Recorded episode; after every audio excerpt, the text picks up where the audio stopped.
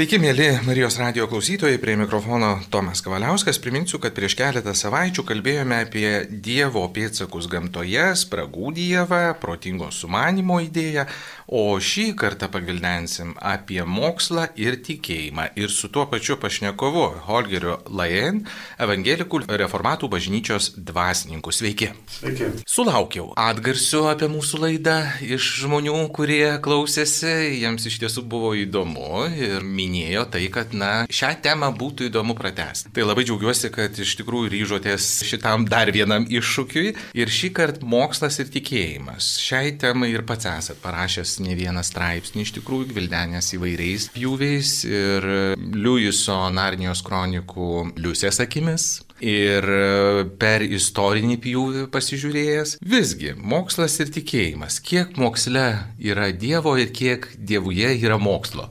O čia jau geras klausimas. Aš žinoma, Dievas yra Dievas kaip kuriejas, jis yra tam tikrą prasme visame kame.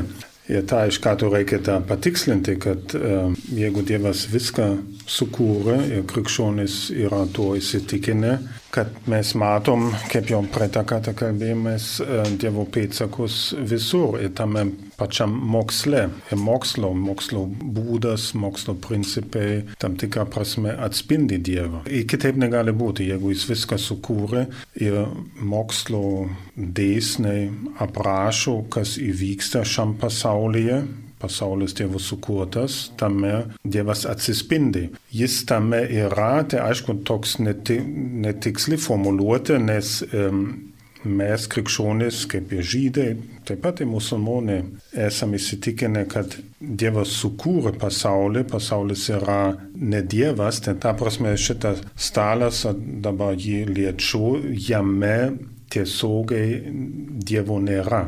Jis yra kitoks, jis sukūrė pasaulį, stalas nėra dieviškas. Ta prasme, nes rytų religijos turi kitą ten supratimą. Taigi, Dievas yra visame kame, jis netoli nuo kiekvieno iš mūsų, bet jis vis dėlto kartu yra kitoks. Tai jau iš karto paliečiam tam tikrą slėpinį, paslapti, kaip jis gali visur būti, bet vis dėlto pasaulio daiktai nėra Dievas. Bet vėlgi, čia protų galima taip suprasti, kad Dievas protų neapriepiamas, jeigu aš pilnai galėčiau suvokti Dievą, tada Dievas nebūtų Dievas, arba aš būčiau Dievas. Taigi gal trumpai į šį labai platų klausimą. O ką tada atsakytumėt kritikam, kurie visuotinai teigia, kad graikai išrado mokslą, o kartu literatūrą, demokratiją, priskiria tam lopšiui, tas yra išradėjas, graikų kultūra. Nu, kaip čia pasakyti, čia gal toks supaprastinimas. Graikai, antikos graikų filosofai, Platonas, Aristotelis ir kiti, jie be abejo prie viso to prisidėjo. Neginčiamai. Mes vis tą skaitom Aristotelio veikalus Ir tam tikrą prasme jis iš tikrųjų buvo vienas iš pirmųjų mokslo gamtos, nu, nu ne vien tik gamtos, bet ir gamtos mokslo sistemintojų. Na, mes tokių dalykų, sakykime, hebrajų Biblijoje neturėtume. Ta prasme tikrai graikai prisidėjo reikia minėti matematiką, nu, jų nuopelnai ten yra irgi neginčiami, bet ne vien tik jie.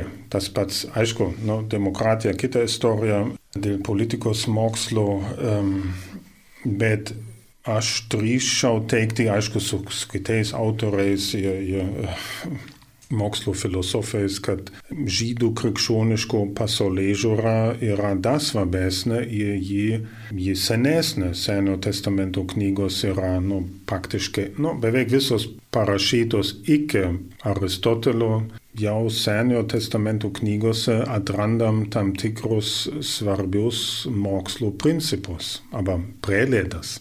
Tam tikrą kelią į tai, kas atsiranda vėliau. Taip, na, čia formuojama ten, arba galim įžvelgti arba matyti jau Senajam testamente tam tikrą pasaulį žiūrą, kuri davė vėliau savo vaisius. Ir kartais tai užtruko ilgai, modernusis mokslas atsirado tik sakykime, 15-16 amžiuje, bet tie pirmieji modernus, modernybės mokslininkai būtent remiasi tais seniais žydų ir krikščionių principais. Be abejo, ir, ir kiti graikai, bet ir taip pat islamo mokslininkai ne, iki, iki pirmam tūkstantmetyje buvo labai gabus musulmonai, mokslininkai, jie, kaip vėlgi mes krikščionys interpretuojam, jie gyvena tam pačiam Dievo sukurtam pasaulyje, jie taip pat, nors jų tikėjimas gal yra leidingas, jie taip pat yra sukurti pagal Dievo panašumą. Taigi ir jie, jeigu jie stebi pasaulį, stebi Dievo darbus, tos darbus interpretuoja ir jeigu remiasi gerais principais prieina irgi prie gerų išvadų. Taigi tam, kad darytume gerą mokslą, žmogus nebūtinai turi būti tikintis žmogus, bet jis ar ji neišvengiamai remiasi taip mes krikščionys sakytume, krikščioniškais, bibliškais principais. Nes žmogus nesvarbu, į ką jis tiki, ateistas, agnostikas, jis negali pabėgti iš tėvų pasaulio. Jis, jis priverstas, ta prasme, gyventi čia ir dabar, jie susidūrė su Dievo apreiškimu ir, ir Paulius rašo, ne, netikintis žmogus šitą apreiškimą užspaudžia, neigia, pabėga nuo to. Bet kaip mokslininkas, kaip jau sakiau, gali irgi prieiti prie visai gerų išvadų. Mokslas neįsivaizduojamas be objekto, kurį būtų galima tyrinėti, bet Biblija niekur nevadina šio objekto tiesiog gamta. Jis labai dažnai vadinamas viešpaties darbu, apie tai, ką ir jūs užsimenat. Taigi, tarsi neįvardyjam tiksliai, bet priskiriam tam dieviškumui. Tai ką vat ir minite apie tą mokslininką. Galbūt jis savęs net nesieja su Dievu, bet jis yra puikus mokslininkas, jis daro gerus darbus, jis kūrė, jis, na, padeda žmonėms. Taip, ten jau vienam straipsnį rašau, kad jo, mes tą žodį gamtą lotyniškai natūra, ne, mes, na, Biblija neparašyta lotynų kalba, nerastume, bet aišku, galim šitą žodį naudoti, kaip kalbam apie gamtos dėsnus ir gamtos mokslus. Vėlgi, čia savokos nėra tokios svarbios, svarbu, kaip mes, mes tas savokos interpretuojam. Ir Biblija mums, Biblija šiaip, ji nėra gamtos vadovėlis, jo, jos kalba yra kitokia dažniausiai, dėl to, jeigu mes interpretuojam šiandienos no, įvykius um, arba fenomenus gamtoje, mes naudojam savo kalbą, kalbam apie molekulės ir taip toliau, ir, ir apie kvantus, ir kvaksus, ir, ir tų žodžių žinoma nerandam Biblijoje, ir tam atsispindi mūsų žmogaus um, ja, iš tikrųjų didybė, kad mes esam panašus į Dievą, mes esam e, žodžių kurėjai, mes kūrėm naujus žodžius tam, kad mes tinkame galėtum aprašyti šį pasaulį. Dievas mums savo žodį nenurodinėja, kaip kalbėti. Ta mes matom iš karto Biblijos pradžioj um, sukūrimo istorijoje, kai Dievas davė būtent Adomui, pirmam žmogui, davė užduotį, tu duok gyvūnams pavadinimus. Uh, labai įdomus faktas, ir, arba nurodymas, ir jau galime taip interpretuoti kaip pirmas, pirma mokslinis darbas tam tikrą prasme. Pats tėvas tą galėjo padaryti, bet jis davė Adomui užduotį, tu tyrinėk gamtą, tu žiūrėk, kokie skirtumai tarp gyvūnų ir tu sugalvok pavadinimą, tai tegul tada ir būna tas, tas pavadinimas. Um, tai Ten jau matom, kad Dievas davė žmogui užduotį, tu valdyk pasaulį, rūpikins visko. Vienas iš tų rūpinimuose aspektų yra būtent mokslas, yra būtų kita kultūra plačiaja prasme, darbas, šeimos gyvenimas ir taip toliau, bet mokslas yra svar, svarbu valdyti Dievo vardu šį pasaulį. Ja, kalbėjom apie tą skirtumą Biblijoje dažnai Dievo darbai, aber kūrinyje mes kalbame apie gamtą, mes galim taip neutralau apie gamtą kalbėti, nes jeigu, nusakykime, aš būčiau biologas ir nuolat kalbėčiau apie Dievo darbus ir Dievo darbus ir sunervinčiau savo kolegas ir, ir nesusišnekėtum, ne, nes, nu ką jis turi omeny, jeigu apie Dievo darbus kalba, apie stebuklus, ar tas, ar tas, nu tada dėl, dėl to kalbam apie tam tikrus regimus fenomenus, kad susikalbėtume su kitais mokslininkais ir tai irgi yra gerai. Ar galima teikti, kad, na, krikščionybė yra viena iš daugiausiai prisidėjusių prie mokslo išlikimo, nepaisant to, kad mokslas viena iš didžiųjų istorijos mislių? Nu, mislų, man, man tai nemislė. Aš galiu, būtent krikščionis tikintieji turi paaiškinimą, kodėl mokslas, gamtos mokslai, bet ir kiti taip stebėtinai gerai veikia, funkcionuoja, nes taip esam sukurti. Ir būtent ateistams kyla, aš sakyčiau, žymiai daugiau problemų, kodėl iš vis žmogus toks vis dėlto viso labo, naja, aukščiai evoliucionavęs gyvūnas sugeba šitaip tiksliai interpretuoti šį pasaulį, sukurti mokslo pagrindo technologijas, kur jos puikiai veikia. Ja, būtent aš sakyčiau, man, žinoma, lieka mes vėl ir vėl mokslo sritise palietėm paslapti, sakykime, materijos, kas yra materija, ne, ten mokslininkai, fizikai iki šiol ja, tyrinėja, tikrai paliečia prie to mislingos srities prisiartina, taip iš tikrųjų yra, kadangi mes esame riboti kūriniai ir, ir nuolat susidūrim su tokiu paslaptingumu, mes patys save iki galo nepažįstam. Ne, ir vis naujai atrandam vieną kitą pusę. Mes nieko iki galo nesuvokiam, kadangi nesam dievai. Bet mes galim suvokti, kodėl vienas kitas dalykas gerai funkcionuoja, ne, kodėl, kodėl mes galim bendrauti Ir paskui, na, ja, kaip viena kita, kodėl dabar aš čia kalbu į mikrofoną ir paskui žmonės girdi um, kitur Lietuvoje, aš nesu fizikas, ne elektronikos ekspertas, aš man tai mislė. Bet aš žinau, jeigu įsigilinčiau, suprasčiau ir vis geriau suprasčiau. Čia yra ta, ir mums Dievo duota tas noras įsigilinti ir siekti šį beitą vis geriau suprasti ir, ir tas, mes žinom, tas ir veikia, ir Dievas nori, kad taip ir veiktų. Ir dėl to visa mūsų nu, darbo pasidalymas. Tu būk mokslininkas, tu būk kepėjas, ir šaltkalvis, ir automechanikas ir taip toliau, kad žmonės vienur ar kitur įsigilintų Ir ten to, tų paslapčių vis mažiau. Aš nežinau, kaip automobilis funkcionuoja, bet aš žinau, yra tie automechanikai, jie puikiai žino, jiems čia ten nemislė ir jie įsigilino, padarė žinojimo pažangą, paslapčių sritis mažėja, ačiū Dievui. Nežinojimas traukėsi. Traukėsi. Nebūtent čia yra mokslo esmė, kad, kad uh, nežinojimas traukėsi ir kartu atsiranda naujas nežinojimas. Nes, sakykime, anksčiau net, ir, net Darvinas dar XIX amžiuje nežinojo, kaip lastelė, kas ten viduje vyksta ir kaip viskas veikia. Ilgai žmonės nežinojo atomų sudėtis, elektronas, e, protonas ir taip toliau. Mes jau žinom. Kasem giliau, giliau dabar žinom, yra kvaksai ir tas, ir tas, ir tamsuoji materija ir taip toliau. Atsiranda nauja nežinomybė ir tai veda mus toliau. Tas pats ir net ir teologijoje, mes irgi, čia ne teologija irgi, aber filosofija ne negatavas produktas, bet tyrinėjam, atrandam vieną kitą atsakymą, vieną kitą klausimą ir atsiranda nauji klausimai. Ir šitaip šitas ir, ir mokslo, ir žinojimo traukinys niekada nesustoja. Mes, mes važiuojam toliau ir važiuojam. Na gerai, bet kai jūs pradėjot nuo Adomo, Dievas įgalino atlikti pirmą darbą arba sugalvoti pavadinimą, nu, įmokslinti, sakykime, gyvūnus. Bet tas pats Dievo kūrinys dabar mokslo pagalba kuria krūvą įvairių dalykų, pavyzdžiui, plastiką, tuos pačius automobilius, kurie po to teršia tą aplinką.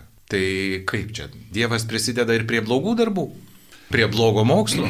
Dievas, ačiū jam, jis visus mūsų darbus kontroliuoja, veda, nukreipia, galima gal taip pasakyti, bet vėlgi čia mūsų krikščioniškos pasaulyje žiūros svarbi dalis yra, kad mes gyvenam polusiam pasaulyje. Ne, pradžios trečiam skyriuje skaitėm, kaip blogis nuodėmė per šitono veiklą įsiveržė į tą gerą sukurtą pasaulį ir tą su to susidūrėm kasdien įvairiai. Šeimoje, darbe, taip pat ir moksle ir mūsų sukurti produktai, mūsų įrankiai gali būti panaudoti blogiams tikslams ir geriems. Jie tam tikrą pasiekmė visada yra, aišku, kartais nu, ginklai galbūt toks, toks pavyzdys, jie sukurti tam, kad nužudytų. Na, čia tas toks tikslas nebūtų atsiradęs e, Edeno sode iki nuopolio. Na, tada ginklo iš vis nebūtų atsiradę, bet kastuvas ir plaktukas ir, ir taip toliau. Bet vėlgi mes tą pateisintum, ginklai yra reikalingi, kad galėtum apsiginti Taigi juos nereikia panaikinti, bet mes žinom, kodėl jie atsirado. Ne iš, iš gero noro, bet iš, iš būtinybės apsiginti. Ir iš tikrųjų mūsų veiksmai, ar mes kažką išrandam kaip plastmasę, arba naja, ryškus pavyzdys būtų atominė energija. Ne, prieš 80 metų išrasta, ir, ir pirmas toks veisus buvo 45-aisiais atominė bomba. Iš karto toks, ir ten Hirošimoje, kiek ten mirė šimtas tūkstančių žmonių. Tai kaip ryškus pavyzdys, kad, kad labai šiaip geras išradimas turi į neigiamą pusę. Na, taip praktiškai visada taip būna. Ir plaktuką galiu panaudoti tam, kad vynį. Vynį kalti arba kalti. į kaktą duoti. Taip, na, e, taip yra žmogus, kaip nu, nusidedantis žmogus, sugeba piknaudžiauti viskuo. Seksualumas, aišku, kitas. E, Dievas numatė, kad dauginkitės, turėkit, kurkit šeimas ir taip toliau bet jau pačioje Biblijoje skaitom, kaip žmonės e, to piknaudžiavo iki karaliaus Dovido ir taip toliau, ir svetimaujant graunam šeimas, ir ja, to nereikia daug komentuoti, žmogus sugeba visko piknaudžiauti. Kalba, mes galim gražiai bendrauti, kalbėtis, tie Dievo dovana mums, gal, gal mūsų pagrindinė technologija, bendravimas, kalbėjimas, rašymas, bet mes galim kitą žmogų apšmeišti, pulti, prakeikti ir taip toliau. Taigi, to, ta prasme, mokslas, arba technologijos, ne, pritaikytas mokslas, neišsiskyrė iš kitų mūsų žmogiškų veiksmų. Gerai. Marijos radio klausytojams primenu, kad studijoje Holgeris Laen evangelikų reformatų dvasininkas ir kalbamės apie mokslą ir tikėjimą. Kodėl mokslas neiškilo senovės Indijoje, Egipte, Kinijoje, Graikijoje, ypač Graikijoje, tose senosiose kultūrose? Ja, ne, na, galima, gal reikia tiksliau formuluoti, mokslas šiaip visur atsiranda žmo, žmonės, aber tyre reiškinius, e, bet e, iš tikrųjų tas modernusis mokslas, sakykime taip, e, jis aber formuluokim tiksliau, suklestėjo Europoje nuo 15 amžiaus maždaug. Vėlgi reikia bent minėti, kad kinai irgi labai išradingi visada buvo iki šiol. Jie, jie, jie buvo tokie, ko jie ten tik, ne tik išrado ten jau tam, tam pirmam tūkstantmetyje, ir popierų, ir, ir oh, nepradėsiu įvardinti, ne? bet įdomu tai, kad jie, jie tose rytų šalise, net ir Graikijoje, jie ne, žmonės arba kultūra ne, pateko, nu, kaip čia pasakyti, į aklygatvį, ne, kažkaip neišsivystė toliau, ką mes būtent matėme Europoje praeitam tūkstantmetyje, ta mokslo pažanga, kuri stulbinanti tiesiog buvo ir reikia tik apžvelgti nu, tą laikotarpį, nu, nu, sakykime, nuo Gutenbergo knygų spausdinimo išradimas iki interneto šitą viso labo tik 600 metų ta pažanga stulbinanti. Tiesiog mes šiandien gyvenam čia apsupti šviesa, mikrofonais ir visokiais kabeliais ir, ir kaip tą paaiškinti. Ir manau, kad ir kodėl kitos kultūros, ir antikos, bet, nu, sakykime, iki kinų, ja, kažkaip ne, nepadarė tos pažangos. Ir čia tai susijęs su, su krikščionišku tikėjimu, kad yra vienas geras Dievas, kuris yra protinga būtybė, gera būtybė, sukūrė atskirą pasaulį, gerą, tvarkingą, vis dėlto poliusi, bet e, gerą, tvarkingą pasaulį. Mes esam žmonės sukurti panašus į jį, tai Dievas davė mums galimybę atpažinti arba analizuoti šitą sutvarkytą pasaulį ir taip darydamas e, padaryti ir pažangą. Kitose religijose arba pasaulio žiūrose dažnai um, matomas, regimas pasaulis yra dieviškas, arba nu, animizme taip yra ir taip toliau, bet jeigu pasaulis yra tikrai dieviškas, ne, antikos Egiptai ir taip toliau, tada paskata yra netokia didelė daryti eksperimentus ir taip toliau, aber išvis liesti šitą dievišką pasaulį. Jeigu pas, matomi dalykai būtų dieviški, kaip reikia elgtis, garbinti, visaip gal aukoti medžiams, kai mes matom Biblijoje apie tai skaitom, saulė, menuliui, gabinti visokius šventas giraitis ir taip toliau. Nu, aišku, Lietuvos pagonybės istoriją tą turim. Reikia gamtos reiškinius traktuoti kaip na, garbinimo objektą. Ir krikščionys žino, ne, medis yra medis ir ne dievas. Galime jį panaudoti, galim jį ištirti, kaip jis veikia ir taip toliau. Ja, šitas požiūris yra svarbus, paskui kitose religijose turim labiau ciklišką mąstymą, kad viskas iš esmės kartojasi. Ir reikia į šitą kartojimą įsijungti Pavyzdžiui, Indijos vis dar nacionalinis simbolis yra ratas, ant Indijos vėliavos yra hinduizmo simbolis ratas, kadangi viskas kartojasi, viskas vyksta ratu. Krikščionys, ir mes šiandien mūsų vakarų kultūroje visi taip mastom, e, žydai ir krikščionys, mes mastom linijį, nu, kaip Linijinių mąstymų. Linijinių. Yra, ir dėl to galim padaryti pažangą. Ir tas, šitas mąstymas skatina tyrinėti, išsiaiškinti. Cikliškas mąstymas tą labiau stabdo, kai mes matom, nu, pavyzdžiui, minėjau, Egipto kultūra, ji žinoma, yra, buvo technologiškai pažangi, statė piramidės tą prieš, nežinau, kiek tūkstančių metų. Būtų klaidinga sakyti, kad tai primityvi kultūra, toli gražu ne. Raštas jų, raštas ir taip toliau. Bet vis dėlto, nu, mes matom, žiūrint atgal, jie kažkaip įstrigo tame. Pastatė piramidės ir viskas. Um, žydų krikščionų mąstymas skatina um, pažangą, Dievo pasaulio iš, ištirti.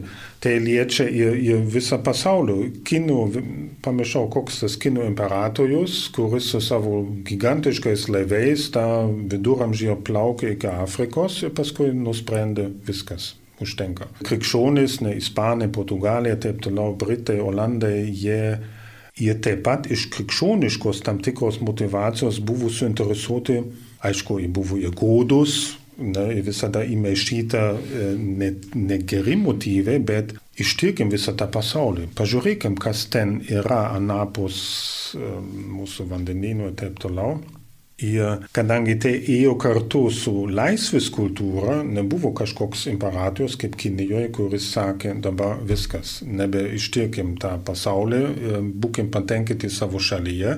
Europoje šitas krikščioniškas, ta krikščioniška pasaulėža ėjo kartu su, nu, sakykime taip, didesnė laisvės dvasia negu faraonų Egipte, e, imperatoriaus e, Kinijoje, arba kitur. Ir žmonės buvo savarankiškesni.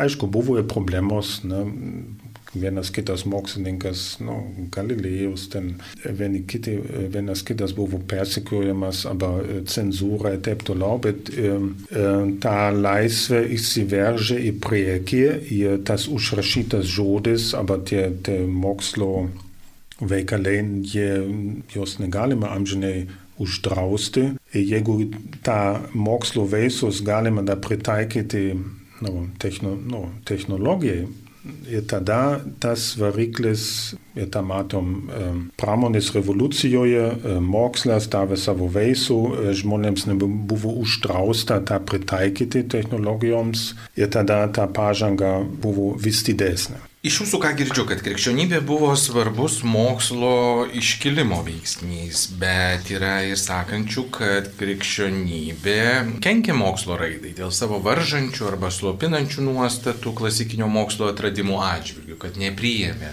tam tikros pažangos. Tai kaip galima būtų tiesiog paaiškinti, viena vertus, skatina pažangą ir išlaiko ją ir ji daro ir kyla tą, tą tokį, nu, įduoda tokį pliūpsnį pažangai, bet kita vertus reikėjo ir pačiai vidui priimti tam tikrus pokyčius.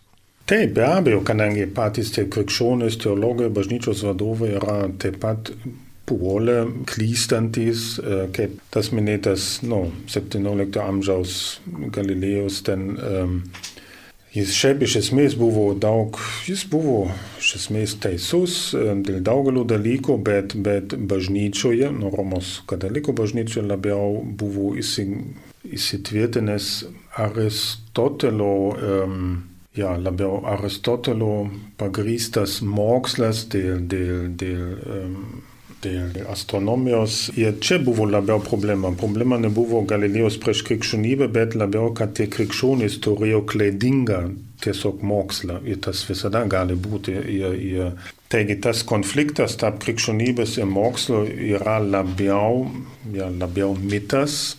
Nes būtent nuo XIX amžiaus kai kuriems mokslininkams ateistams, aišku, lengviau savo poziciją apginti, teikdamas, kad, kad ne, tie krikščionys yra prieš mokslą. Tame yra tiesos. Iki šiol per daug krikščionių yra ne, per daug tamsus tiesiog, ignoruojam mokslą, mums tai nerūpi, tai yra problema.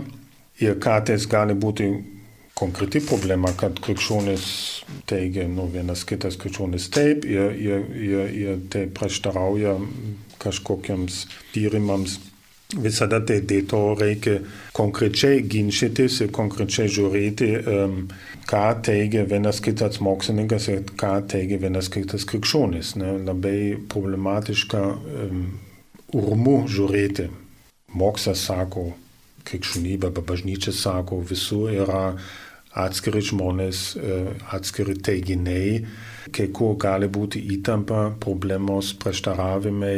Um, ir kai kurie krikščionys gal, kaip jau sakiau, asmeniškai neįsigilino ir, ir kvailiai gal pasisako apie vieną kitą dalyką, taip gali būti.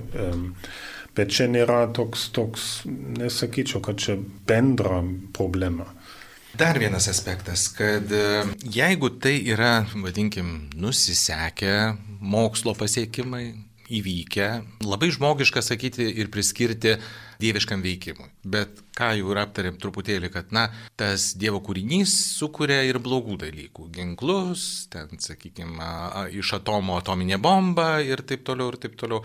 Ir tai jau tarsi nedieviška. Tai kas patogu dieviška, kas nepatogu jau nedieviška. Ne, kaip tiksliai formuluoti? Dievas visus mūsų daly, veiksmus ir, ir mūsų darbų veisus kontroliuoja. Ta prasme, jis atominė bomba yra, nu, ta prasme, pagal Dievo suverenąją valią jo norėta. Ne? Čia jam tai nebuvo staigmena. O, Oppenheimeris su savo bomba. Tai ne mano plano dalis. Jis tą žinojo ir žinojo, kokios bus pasiekmės. Um, Ja, ne. Aišku, yra išradimai, kaip ja, mums evangelikams labai artimas um, knygos spausdinimas, ne, tai nepaspartino reformaciją ir tam tikrą prasme tai buvo tikra palaima, nes galėjom savo įsitikinimus plačiai skleisti nuo tada nu, pradėjo spausinti Bibliją, pats Gutenbergo pirmas toks kūrinys, labai įspūdingas iki šiol, ta pirma jo išspausinta Biblija. Čia yra palaima, čia tie, tie dieviška, nu, be abejo, Dievas tik džiaugiasi dėl to, bet mes žinom ir paskui mes greitai pamatėm, e, atsirado jau 16 amžiaus pradžioje per reformaciją visokie pamfletai priešininkus ir, ir katalikai prieš protestantus ir atvirkščiai šmeižantys raštai ir taip toliau. Ir eretikai galėjo rašyti savo knygas ir platinti anonimiškai, neanonimiškai.